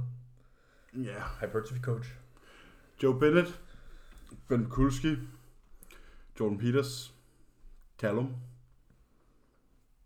John Meadows. John Meadows. Matt Jansen. Øh, Og så atleter, sådan en som øh, Hunter. Er fucking nice selvfølgelig, synes jeg. Ja, men det, det, det, det, det, det, det Nej, men du, det, du følger ikke med. Nej, jeg gider ikke, jeg gider ikke følge nogen for at se på deres selfies. Sådan der. Det, mag, det gider jeg ikke. Så, Ej, nu, så følger du heller ikke Hunter, kan jeg høre. nej, det, kan- nej. Han lægger fede videoklip op og sådan... nej, jeg følger ham ikke, jeg følger ham ikke. Øhm, det var fordi, jeg kan ikke lide den måde, han taler på. Nej, det kan jeg heller ikke. Han stemme fucking ja, det, så gider jeg ikke følge. Så, så, så, Han nej, har det den gider jeg ikke. mest monotone stemme i verden. Ja, ja, han lyder som om, han lige er stået ud af sengen. Ja. Hele tiden. Men en, jeg godt kan lide at følge, Og så det som er... om man holder sig for næsen imens. Jamen, en, jeg godt kan lide at følge, det er sådan en som The Giant, for eksempel. Men det er også fordi, han Og jeg synes, interagerer... hans stories er alt for lange. Jamen, det er det, jeg godt kan lide. Han interagerer sådan... Ja. Jeg synes, han interagerer for meget. Du ved, The Giants morning talks, når han sidder i bilen og sådan nogle ting, ikke? Nogle af dem er nice, men sådan der, nogle gange er sådan en story er sådan der 80 klip lange. Ja. Der får jeg grå hår. Nej, jeg synes, det er meget fedt. Og så øh, også, hvad hedder det, øh, James Hollingshead. Kan jeg også godt lide at følge. Men det var også mere, fordi man føler, man har lidt mere tættere bånd Ja, til de der ja. drenge der, man Ja. har til Hunter LeBrada og Terrence Ruffin og sådan. Dem, dem følger jeg ikke rigtig, fordi jeg er sådan der, der er sgu nok nøgne mænd på min Instagram forvejen. altså sådan, og det er, ikke, det er jo ikke, fordi jeg ikke synes, de er dygtige atleter. Jeg har overhovedet synes, de er fantastiske atleter, men sådan, Mm. Nick Walker følger jeg heller ikke, men jeg hører da altid hans podcast, når han er sammen med Furet for eksempel. Ja. Ja, Furet følger jeg, men det jo også for det her. Men, sådan, Ja. men jeg, der, der er sgu ikke, det er sgu ikke mange, jeg, øh, jeg følger, fordi at det er sådan... Altså nu, sådan, nu øh, blev vi jo spurgt om sådan coaches og atleter, men man kan også sige podcast. Joe Jeffrey burde man måske også følge. Ja, Joe Jeffrey er måske den syvende, man skal følge på den liste der. Ja, øhm, og med podcast kan vi jo tilføje AJ til den Morris. liste. Vi kan tilføje podcast til listen. Skal ikke høre Fuhrets podcast, hvis du gerne vil lære noget i hvert fald. Hvis du Jo, mig. RBP. Ja, der er selvfølgelig nogle gode interviews, Ja. men sådan her, det der bro-chat, Brochat og Bodybuilding Bollocks, det er sådan... Det, Det er bare underholdning. Der er faktisk lidt at pick up, hvis man er meget, Det er hvis man er meget ny. virke- ja, hvis man er meget ny. Hvis man er meget ny, så, er Meget der, ny. så er der lidt at pick up, Meget, fordi meget ny. de er sådan der, de er også meget det der broad strokes. ja, det, er, Altså det er meget sådan- broad strokes. Men det er jo også fair nok. Ja, ja. Altså, det er, jo, det, er jo, det er jo, hvis man ikke har lyst til at være nørd. Men det, det, det er bare ikke det første sted, jeg vil anbefale nogen at gå hen for at lære noget. Nej, det er det nok ikke. Øhm, men ja, Joe Jeffrey, Callum, Jordan, Joe Bennett, Ben Bulski, Matt Jansen, Matt Jansen, John Meadows. John Meadows. Ja, det må være first choice. Ja, det må være de syv, ikke? Jo, Top. ja. Top 7. Hvem er der ellers? Så er der... Hvis stories ser man at Jordan Peters, har vi sagt det? Jamen, hans stories er fucking kedelige. Ja, det er rigtigt. Det er bare reposting. Det, det er ligesom AJ's. Ja, AJ's story er for meget reposting. ja. AJ's kan man også følge for content. Ja. Øhm, Ja, altså AJ Cooper, de, de laver nogle fede YouTube-serier. ja. Ja, det, det er de gode til. Mm. Men sådan, det tror jeg, at det, man ligesom sådan der skal følge, hvis Ja. man gerne vil vide noget. Der er selvfølgelig også mange andre, som er, er uden for, hvad kan man sige, i går så en vores camp. Men dem kender vi jo ikke til, sjovt nok. Nej, altså jeg synes, det er fedt at følge sådan en som Hunter eller Terrence. Øh, men fordi de gør lidt det samme som os, og så, så synes jeg, det er fedt, det der med, at Hunter har sin far at se op til. Og sådan, ja. Han har de fodspor at gå i. Terrence har bare den ultimative flotteste fysik, hvis du spørger mig. Mm. Sådan, Ja. Ellers, ja, selvfølgelig er jeg jo selvfølgelig, jeg følger mange atleter faktisk, Mm. men det er langt de færreste, jeg følger for sådan der udvidet knowledge. Ja. Det er mere fordi, jeg synes, det er fedt at følge med, hvad der foregår i industrien, og vide sådan, der, hvordan ser han ud nu, og hvad det. Ja. Øhm, men ja. Skal jeg fortsætte? Jeg har et. Ja, fortsæt. Ser I det vigtigt, at man får sine kulhydrater fra forskellige kilder? For eksempel kartofler, pasta, ris hen over dagen, eller kan man for eksempel forblive på ris, uden at negligere potentielle fordele fra det modsatte? Det vil sige, når vi snakker om kulhydrater, og kun kulhydrater, så sgu lige meget, om det kommer fra ris eller kartofler. Men Ja. jeg vil sørge for, at du når dit potassiummål, for eksempel. Ja. Det får du ikke gennem ris. Du kan komme herover på, i, på potassiumholdet hos Ja, mig. men du kan godt nå det, uden at spise kartofler. Altså sådan, Ja, ja, sagtens. Øhm, så nej, det er ikke fordi, du skal. Du kan sagtens spise ris flere gange om dagen. Jeg ved, øh, Det gør jeg. ja. Altså, ja altså, øhm, jeg havde ris eller cream of rice på 3 og 6 måltid. altså, jeg, jeg, jeg spiser aldrig pasta. Jeg spiser aldrig pasta. Det gør jeg. Så vil jeg hellere, det er det samme som brød, og så vil jeg hellere spise brød. Ja, jeg får fuldkornspasta i dag. Det gør jeg Ja, lige og med hvad var det, du kaldte det måltid? Dødens pølse. Det, det ultimative strafmåltid. Præcis, there you go. Øhm, Ja, det er også klart. Fedtfattig vildlaks og fuldkornspasta, ikke? Altså sådan generelt, øh, så vil glutenkilder, eller kulhydrater, der indeholder gluten, vil ikke være over, øh, på toppen af listen. Sådan, vi får ikke størstedelen af vores kulhydrater fra pasta og brød. Det er der, men det er også fordi, man får 800 gram kulhydrater om dagen. Ja. Og hvis du skulle spise det ris og kartofler, så er det mm. en gravid kvinde. Jeg vil se på min træningsdag nu, når jeg er løbet tør for cream of rice. Ja. Desværre, hvis nogen der har lyst til at sende mig et kilo cream of rice, må I meget gerne gøre det. Ja, det kilo holder fem dage. Præcis. Hvad hedder det? Um... Så nu spiser jeg fire skiver pukkenbrød til min morgenmad på min træningsdag. Ja. Men Ja. det er så også et måltid, der er gluten, ikke? Jo, Og jeg så på min- hviledag har jeg så et måltid med fuldkornspasta, som er gluten, ikke? Jo. Og det er det. Og så får vi ret meget frugt. Får vi rigtig meget frugt, ikke? Øh, jeg vil tage min træningsdag for eksempel. Jeg får øh, cream of rice pre og en kiwi. Og så post får jeg så Rice Krispies, øh, en banan og en muesli bar. Mm. Og måltid 3 er havregryn, blåbær og en banan og honning. Måltid 5 er ris og kartofler. Nu nævner jeg altså kun kulhydraterne. Sidste måltid er henbær, æble, krysli, honning og brød. Ja. Så sådan langt størstedelen kommer fra Ris. risbaserede ting. Rice Krispies, cream of rice og ris. Mm. Så er der lidt kartofler, så er der meget frugt. Øh, ja, der er jo en 400-500 gram frugt. Mm. Men det er også igen fordi, jeg får Så meget mad. så meget mad, ikke? Jo. Øhm, så, så en lille smule, jeg får, jeg får to skiver toast om dagen. Mm. Øhm, ja, og lidt mysli, men det er jo igen havregryn, der er vasket. Præcis. Så det er, det er meget begrænset, hvor meget gluten hvis- der går. Jeg vil prioritere ting som, hvis din mad ikke er så høj, hvis du har 200 gram kulhydrater om dagen, så vil jeg prioritere at få dem fra ting som havregryn og kartofler. Og ris.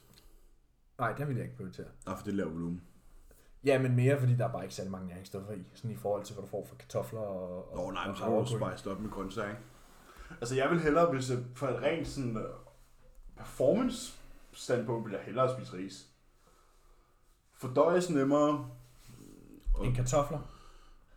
ja, jasminris, 40 gram ris eller 200 gram kartofler. jamen fra et fordøjelsesstandpunkt vil jeg hellere spise ris. Der vil jeg spise kartofler. Nå, ja, okay. Og Fordi er ikke, ikke udelukkende fordøjelse, men sådan de ting, der kommer med. Nå, ja, men nu tog vi fat i sådan der performance-fordøjelse. Sådan, der vil jeg hellere det former jo spise... også bedre med, med flere næringsstoffer. Jeg vil hellere spise, jeg vil hellere spise ris end kartofler. Sådan Held og lykke med at få 6 gram potassium og 200 gram kaffe, det, hvis du kun det, spiser ris. det behøver jeg jo ikke. Fordi min mad er dækket. ind. Ja, ja, men nu siger jeg jo, hvis du er en, der kun får 200 gram kulhydrat, så vil jeg nok ikke spise 150 af dem fra ris. Nej, så vil jeg nok bare spise et kilo kartofler i stedet for. Nej, jeg siger, så kunne du prioritere havregryn, kartofler og bananer. Altså sådan, det vil jeg prioritere over ris. Men nej, det er ikke fordi, der er en hemmelighed. Der er ikke nogen hemmelighed i, hvilken kulhydratskilde du bruger. Sådan, du kan jo spise, bare sørg for, at du får, hvad du skal have. Ja. Men Og ikke kun protein, kulhydrat og fedt. dog kan man jo selvfølgelig sige, at kompleksiteten af kulhydraterne kan være gavnlige på forskellige tidspunkter. Bestemt. Så sådan der pre-post ris. Ja, hvis du skal have 120 gram kulhydrat, så skal du nok ikke spise kartofler. Nej, ikke pre i hvert fald. Nej, Eller nej. post. Nej, nej. Fordi, altså sådan... Du skal aldrig spise 600 gram kartofler på en gang. Nej. Det er jo sådan der, Det for gør jeg. eksempel, nu sagde jeg, at jeg spiser for eksempel måltid 5, der får jeg jo sådan der, der får jeg 125 gram ris, og ja, det er før kogning, og 150 gram kartofler. Ja. Så sådan, det vil jeg hellere, end at skulle spise 150 gram ris. Mm, ja, ja, bestemt. Øh, altså, jeg får, nu får jeg en halv jeg kilo kartofler hver dag, ikke? på så- en servering Til aftensmad. får 500 gram kartofler, eller er det? Nej, 500 De, gram nej, ja, de er lige sat op, ja. 500 gram kartofler, 150 gram rødbede Ja, i airfryer. ja, men den ligger også tungt, gør den ikke? Nej, det er okay. Det er heller ikke normalt, bro. Det er ikke normalt, at du har et kilo i rå ingredienser, og du så siger, at det ligger ikke Nå, jamen, der er også 150 gram ananas, 200 gram kylling. Det er det, jeg siger, det er et kilo i rå vægt. Det er mere. Ja. Og en halv avocado. Det er sådan Ja. 1100 gram. Ja, er det før grønt? Ja, det er før godt. Præcis. Det er jo heldigt, at tingene vejer mindre efter tilberedning. Ja, ja, bestemt, bestemt. Det smager meget lækkert. Ja. Det er sådan, det er en ordentlig tallerken. Ja, det det er en margreteskål. Ja, det er sådan en, det er de store spisetallerkener herhjemme, så der er helt ud til kanten. Ja. Og så bare en gaffel ned i. Jamen, jeg Altså, og det, det, der er stablet sådan en bjerg. det måltid, jeg snakker om før, det er også 250 gram kylling, 125 gram ris, 150 gram kartofler, og så grøntsager. Og der har jeg typisk 150 gram grøntsager, ikke? Ja. Det er sådan, jeg kan lige præcis have det i en dyb tallerken. ja. Med top på. Men det er sådan lige så snart, sådan, at hvis jeg putter ketchup på og lige vil røre det rundt, så er det over det hele. Ikke? Ja. Så der er jeg begyndt bare at bruge mekanisk Ja. Ah, nej, det kan godt lige være, at tallerkenerne herhjemme holder ud lidt endnu. Måske lige en 2-3 uger endnu. Så, så, er det slut. ja, så snart de der kartofler, de ryger op på 650 eller 700 gram, så er det fucked. Altså. Ja. Overveje, hvis jeg ender med at skulle spise et kilo kartofler. Nej, det gør han ikke. Du får ikke et kilo kartofler i en servering. Jeg har 14 måneders off-season foran mig. Jamen, det kommer du ikke til. Det kommer du ikke til. På et eller andet tidspunkt skal det måltid jo oppe. Skal vi ved 100 kroner på, at du ikke får 100 gram kartofler? Nej. Eller et kilo? Jeg kommer nok til op på 700, og så tror jeg, vi holder den der. Nej, det tror jeg ikke. Jeg tror ikke, han giver dig 700 gram kartofler i et måltid. Det tror jeg simpelthen ikke på. Så tror jeg, han kunne finde på sådan der at fjerne, eller tilføje ris, eller sådan tilføje andre steder, eller så bliver det sådan der mysli bar og sådan noget. Tilføjende junk. Han er ikke idiot, jo. Nej, det er selvfølgelig nok. Så, øhm, tror jeg en lang snak. Om kulhydrater. Ja. Nej, prioriter simple kulhydrater. Ja. Jeg plejer, at, Omkring jeg, træning. jeg plejer at sige sådan her, hvis det var mig, der skulle vælge, og vi har... Hvor mange måltider har vi? Fem? Fem. Okay. Måltid 1? Absolut ikke nogen. Ja, for de langt de fleste. For langt de fleste. Øhm, og hvornår træner vi? Efter måltid 4? Eller efter måltid 3? For de fleste vil det nok være efter tre. Okay, super. Måltid 2. Hvis man nu skal inkludere alt sammen. Ja. Måltid 2. Pasta. Måltid... Tre så pre. Ja, måltid 2. Pasta eller kartofler. Måltid 3. Ris. Måltid 4, som så er post. Ris. Og pre-bed grøn. Ja. Det er sådan, det er rimelig foolproof. Ja. Altså sådan der, så sådan pasta, kartofler, ris, ris, grøn. Mm. Nemt. Det, det, sådan ville jeg sætte det op, hvis det var mig, der havde. Hvis jeg skulle inkludere dem Hvis jeg skulle, så du skal bruge alle dem her. Ja. Øhm, for det er for eksempel sådan, min dag er sat op i dag. Ja. Pasta, ris, ris, kartofler, krydslig. Ja, præcis, og det er sådan med klienter, der prøver jeg tit sådan der at holde morgenmaden og natmaden sådan ret nem mm. og hurtig, så det sådan, der kunne blive tilføjet brød, for eksempel.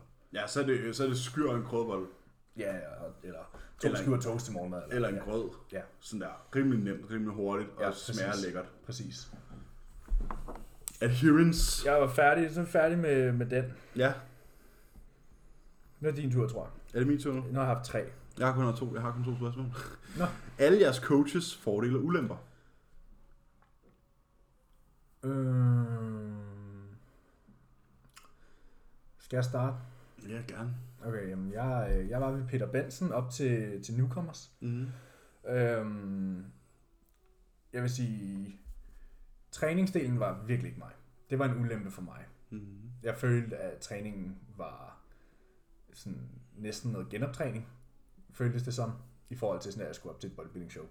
Mm. Det var sådan, altså det var et træningsprogram, sådan at vi er fire måneder ude, og sådan, der var rigtig meget af sådan noget, jeg kan bare huske, det var sådan noget trap, trap 3 aktivering og ekstern rotation og sådan noget, hvilket var fint sådan noget accessory work, men måske ikke sådan der, bruge min session på det.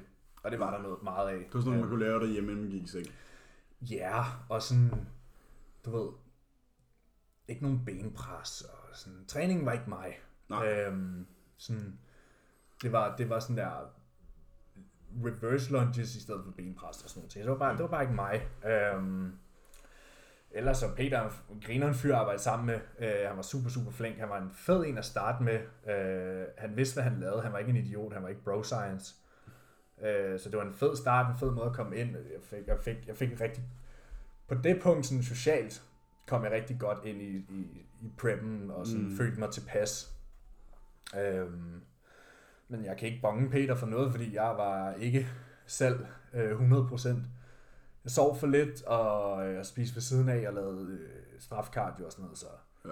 så er ikke noget ondt at sige om Peter. Øhm, på nogen måde, jeg synes, han var en fremragende gut at arbejde sammen med.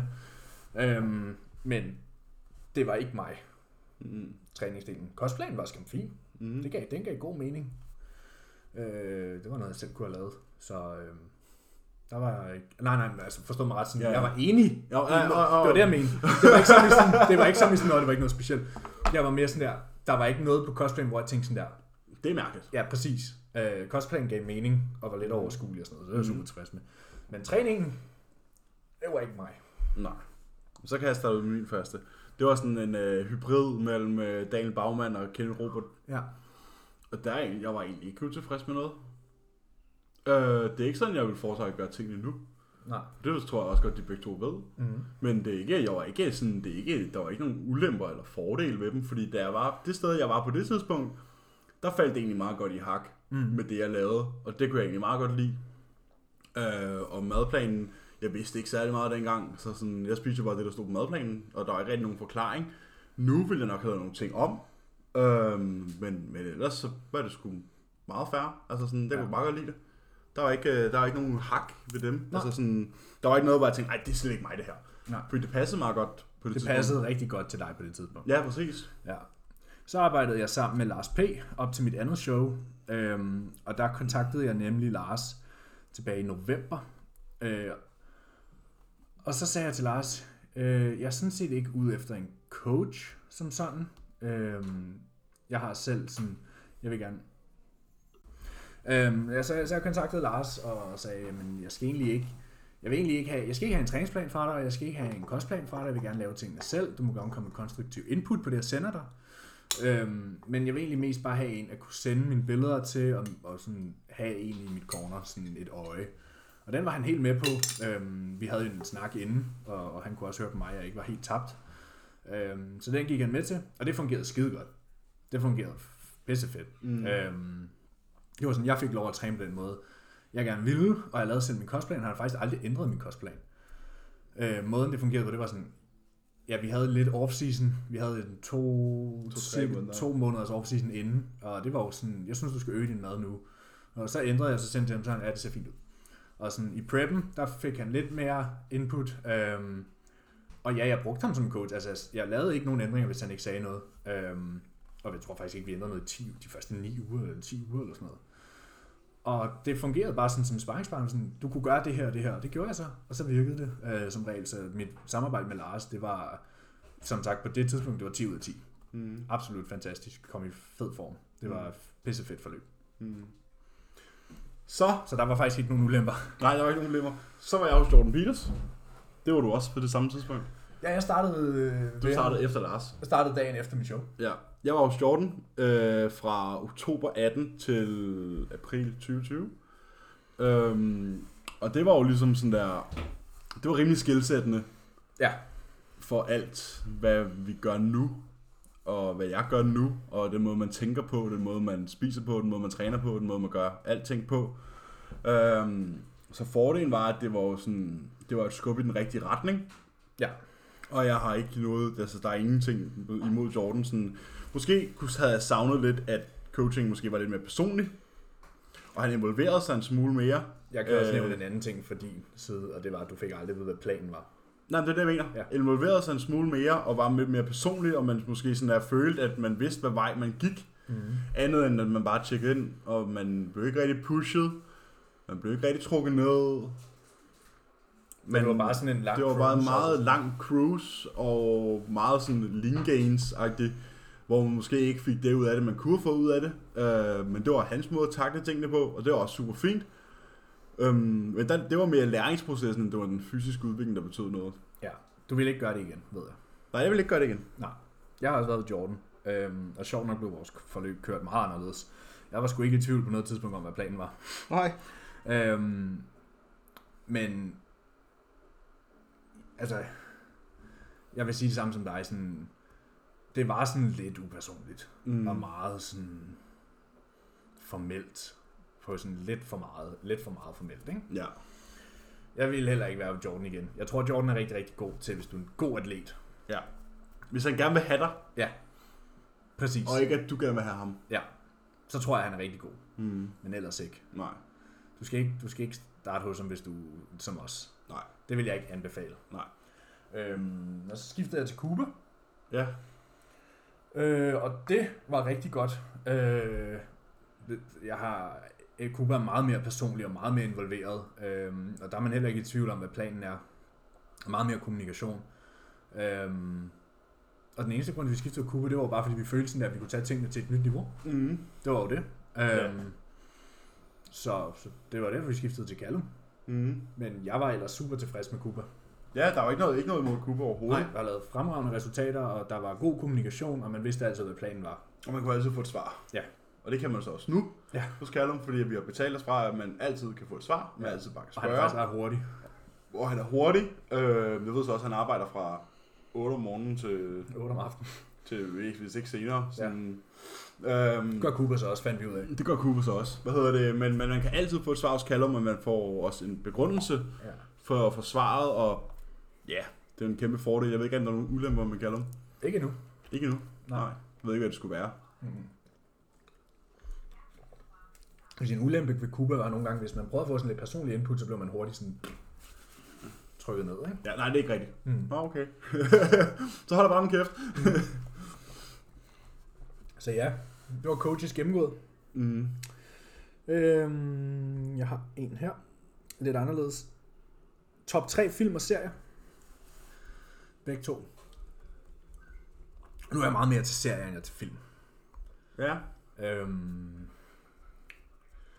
åh, jeg har set mange gode serier. Må man godt sige sådan, at filmserier, Filmserier. altså gælder det for én film, eller gælder det for... Nej, der vil jeg sige, okay, for eksempel, fordi nu ved jeg, hvad du Ringenes du tænker, Herre. du tænker Ringens Herre, Star Wars og sådan noget, men der synes jeg stadig, der er nogle af dem, der er meget bedre end andre. Ja, ja, ja, men, men, men de er jo ikke gode, hvis ikke du har set dem alle sammen. Nej, men så vil jeg stadig, så det gælder som en film. Gælder det som én film? Ja, hvis man hedder hele serien, ikke? Vælge en film. Nu, så kan du vælge tre Star Wars film, hvis det er det. Der er, en, der er Nej, men det vil jeg ikke. Fordi Nej, nej, de er ikke præcis. gode en, altså hver for sig. Nej, men der er stadig nogle af dem, der er gode film. Ja, men der er ikke nogen af dem, du kan sætte dig ind og se, hvis du ikke ved noget forvejen. Det er klart. Det er klart, men sådan er, sådan er det jo med mange film. Ja. Øhm. Men øh, jeg, har, jeg, jeg er i hvert fald bedre til serier. Jeg har set rigtig mange gode serier. Ja. Jeg har, jeg har set rigtig mange serier. Hvad er de bedste serier, jeg har set? Altså, Det er svært at liste på en top 3, tror jeg. Jeg tror, jeg har i hvert fald en top 2. Øh, Sons of Anarchy. Og hvad, Peaky Blinders, eller hvad? Mm, Så har jeg tre. øh, Peaky Blinders og Papirhuset. Det er sjovt. Papirhuset var, øh, var Ja. klart sådan en, øh, Jeg har aldrig set nogen af dem. en mindblowing en for mig. Game of Thrones.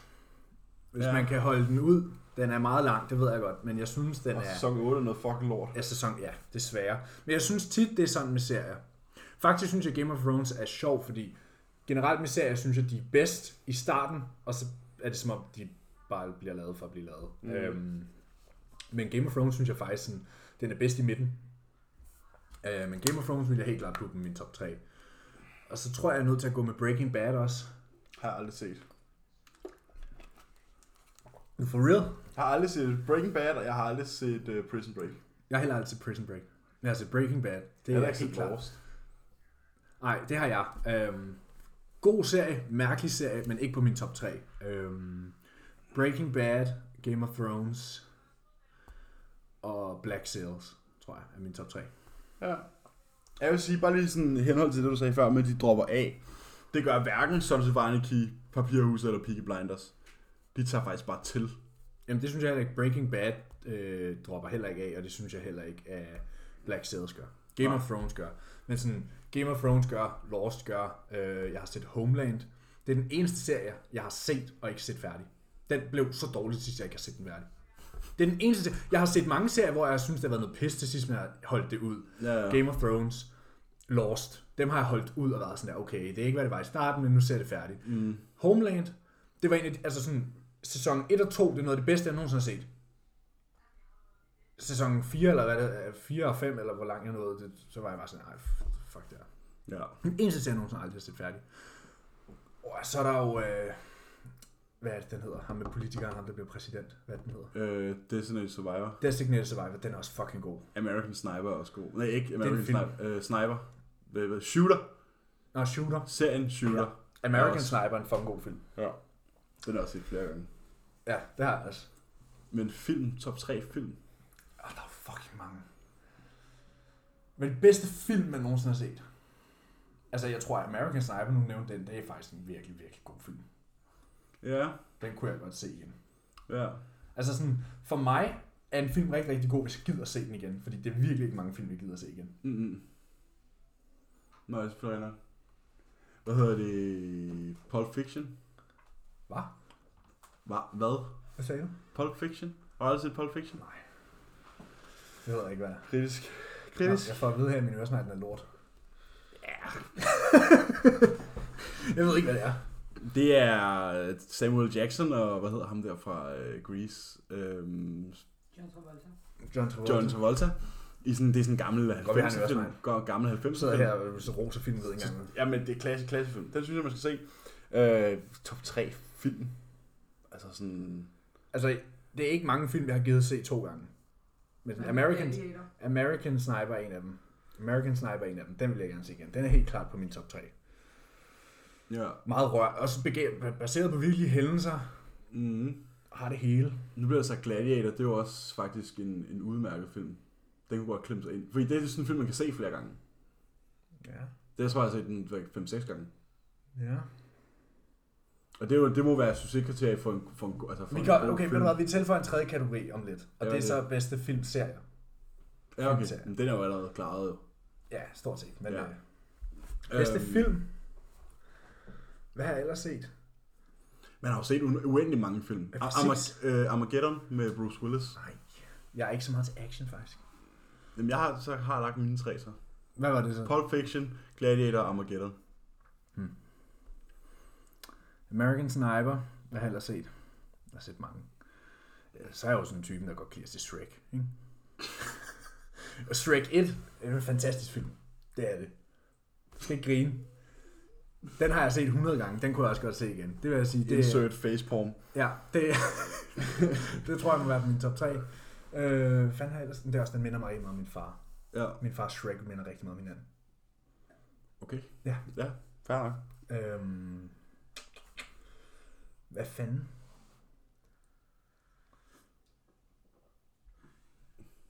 Oh, nævn lige nogle gode film. Der er mange slet ikke gode samme film. smag. Okay, der er overdrevet mange gode film. Ja, men jeg er meget mere til serier, end jeg er til film. Hvad med Prisoners? Har jeg aldrig set den? Nej, det ved jeg ikke hvad. Nej. Hvad med Braveheart, øh, The Patriot, øh, øh, hvad hedder det, øh, ham der, der bryder ud fra fængslet med en ske? Den bedste bedømte IMDb-film.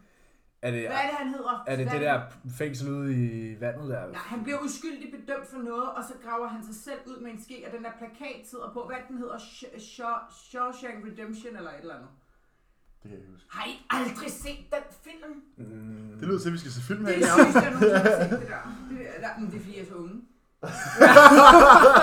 det, kan, det slår mig lige, det er fordi, jeg er så unge. babyerne herovre. Jeg, Ja, jeg, jeg, jeg har lige sagt, sagt Pulp Fiction. Den er fra før du blev født. Det er kun sådan en, det er sådan en blærerøvsfilm, sådan den har jeg set. Hvad med, øh, hvad med Inception øh, med Leonardo DiCaprio, eller øh, den nye, han lige har lavet? Han, fik, han vandt en Oscar for. Fuck i helt... Den der, hvor han sidder ude i ødemarken. Øh, ja. Nå, røvsyg. det, øh, hvad hedder den? Hvad er det, den hedder? Den hedder... Øh, Moral! vent lige. Ja, vi har Emilie med i baggrunden her. Verdens største filmkritiker. Altså, Hvad jeg har jo den? set alle film. The Revenant. The Revenant. Det er den. en fantastisk film. Ej, så er jeg mere til Wolf of Wall Street eller sådan noget. Catch Me If You Can, også vanvittig god film. Titanic er også en god film. Vanvittig god film. Så en øh, tredje. Du har, du har lektier for, og ja. så må du komme med din yndlings øh, næste gang. Ja, jeg må gemme nummer 3. Moral, han kommer med nummer tre næste gang. Han Det- skal hjem og lave noget. American Sniper og Du skal Shrek. hjem og Shrek se 1. den, jeg siger, du skal se. Jeg Ej, og. Shrek The Final Chapter er altså også god. Den der, hvor han underskriver sådan en kontrakt, der skal være trold for en dag. Det er en fucking god film. Ja, vi løber lidt på tør vand her, kan jeg høre. Okay, død bedste luft, død filmserie. luft. Bedste filmserie. Ringens Herre. Star Wars. Godfather. Harry Potter. Øhm... Hvad fanden er der mere? Så er der jo... Jamen, det er jo Ringens Herre. Ja, okay. Og... Og det vil jeg faktisk også Jo, sige, fordi det det er er, det. ligesom, Det er det er ligesom. Star Wars er lavet i Det er 3. en- Det det er er- ligesom det er- Star Wars er lavet i 3. Det er en sequel. Og det er Det er en det. sequel. Det er det. Det er en sequel. Det vil jeg ikke sige. Du kan ikke se Ringens... Du kan ikke se Hobbiten uden at se Ringens Det kan du i hvert fald. Jo, for Hobbiten foregår før hvert fald. Den rigtige Den måde at se den på, det er at se, den rigtige måde at se det på, det er at se Hobbiten, og så se Ringens Emil, du har ikke set den. Jo, jeg har. Okay. Kan du huske? Åh, oh, det tror jeg. Øh, Det tror jeg forstår. Så jeg har. Ja. Shh, derovre i hjørnet. Øh, og så Godfather, Og øhm, ja, og Star Wars. Shrek, man! Det er rigtigt. Er Shrek med på øh, det bedste filmserie? Men jeg sad... Ej, der er også noget som Pirates of the Caribbean. Men der synes jeg, Shrek er bedre. Kritisk. Kill Bill-filmen er også god. Ej, hvad er det for noget gammelt noget, du sidder med? Godt mærke, du er ældre end mig. Halvandet år. Godt mærke, du ikke er ordentligt filmuddannet hjemmefra. Hold da kæft.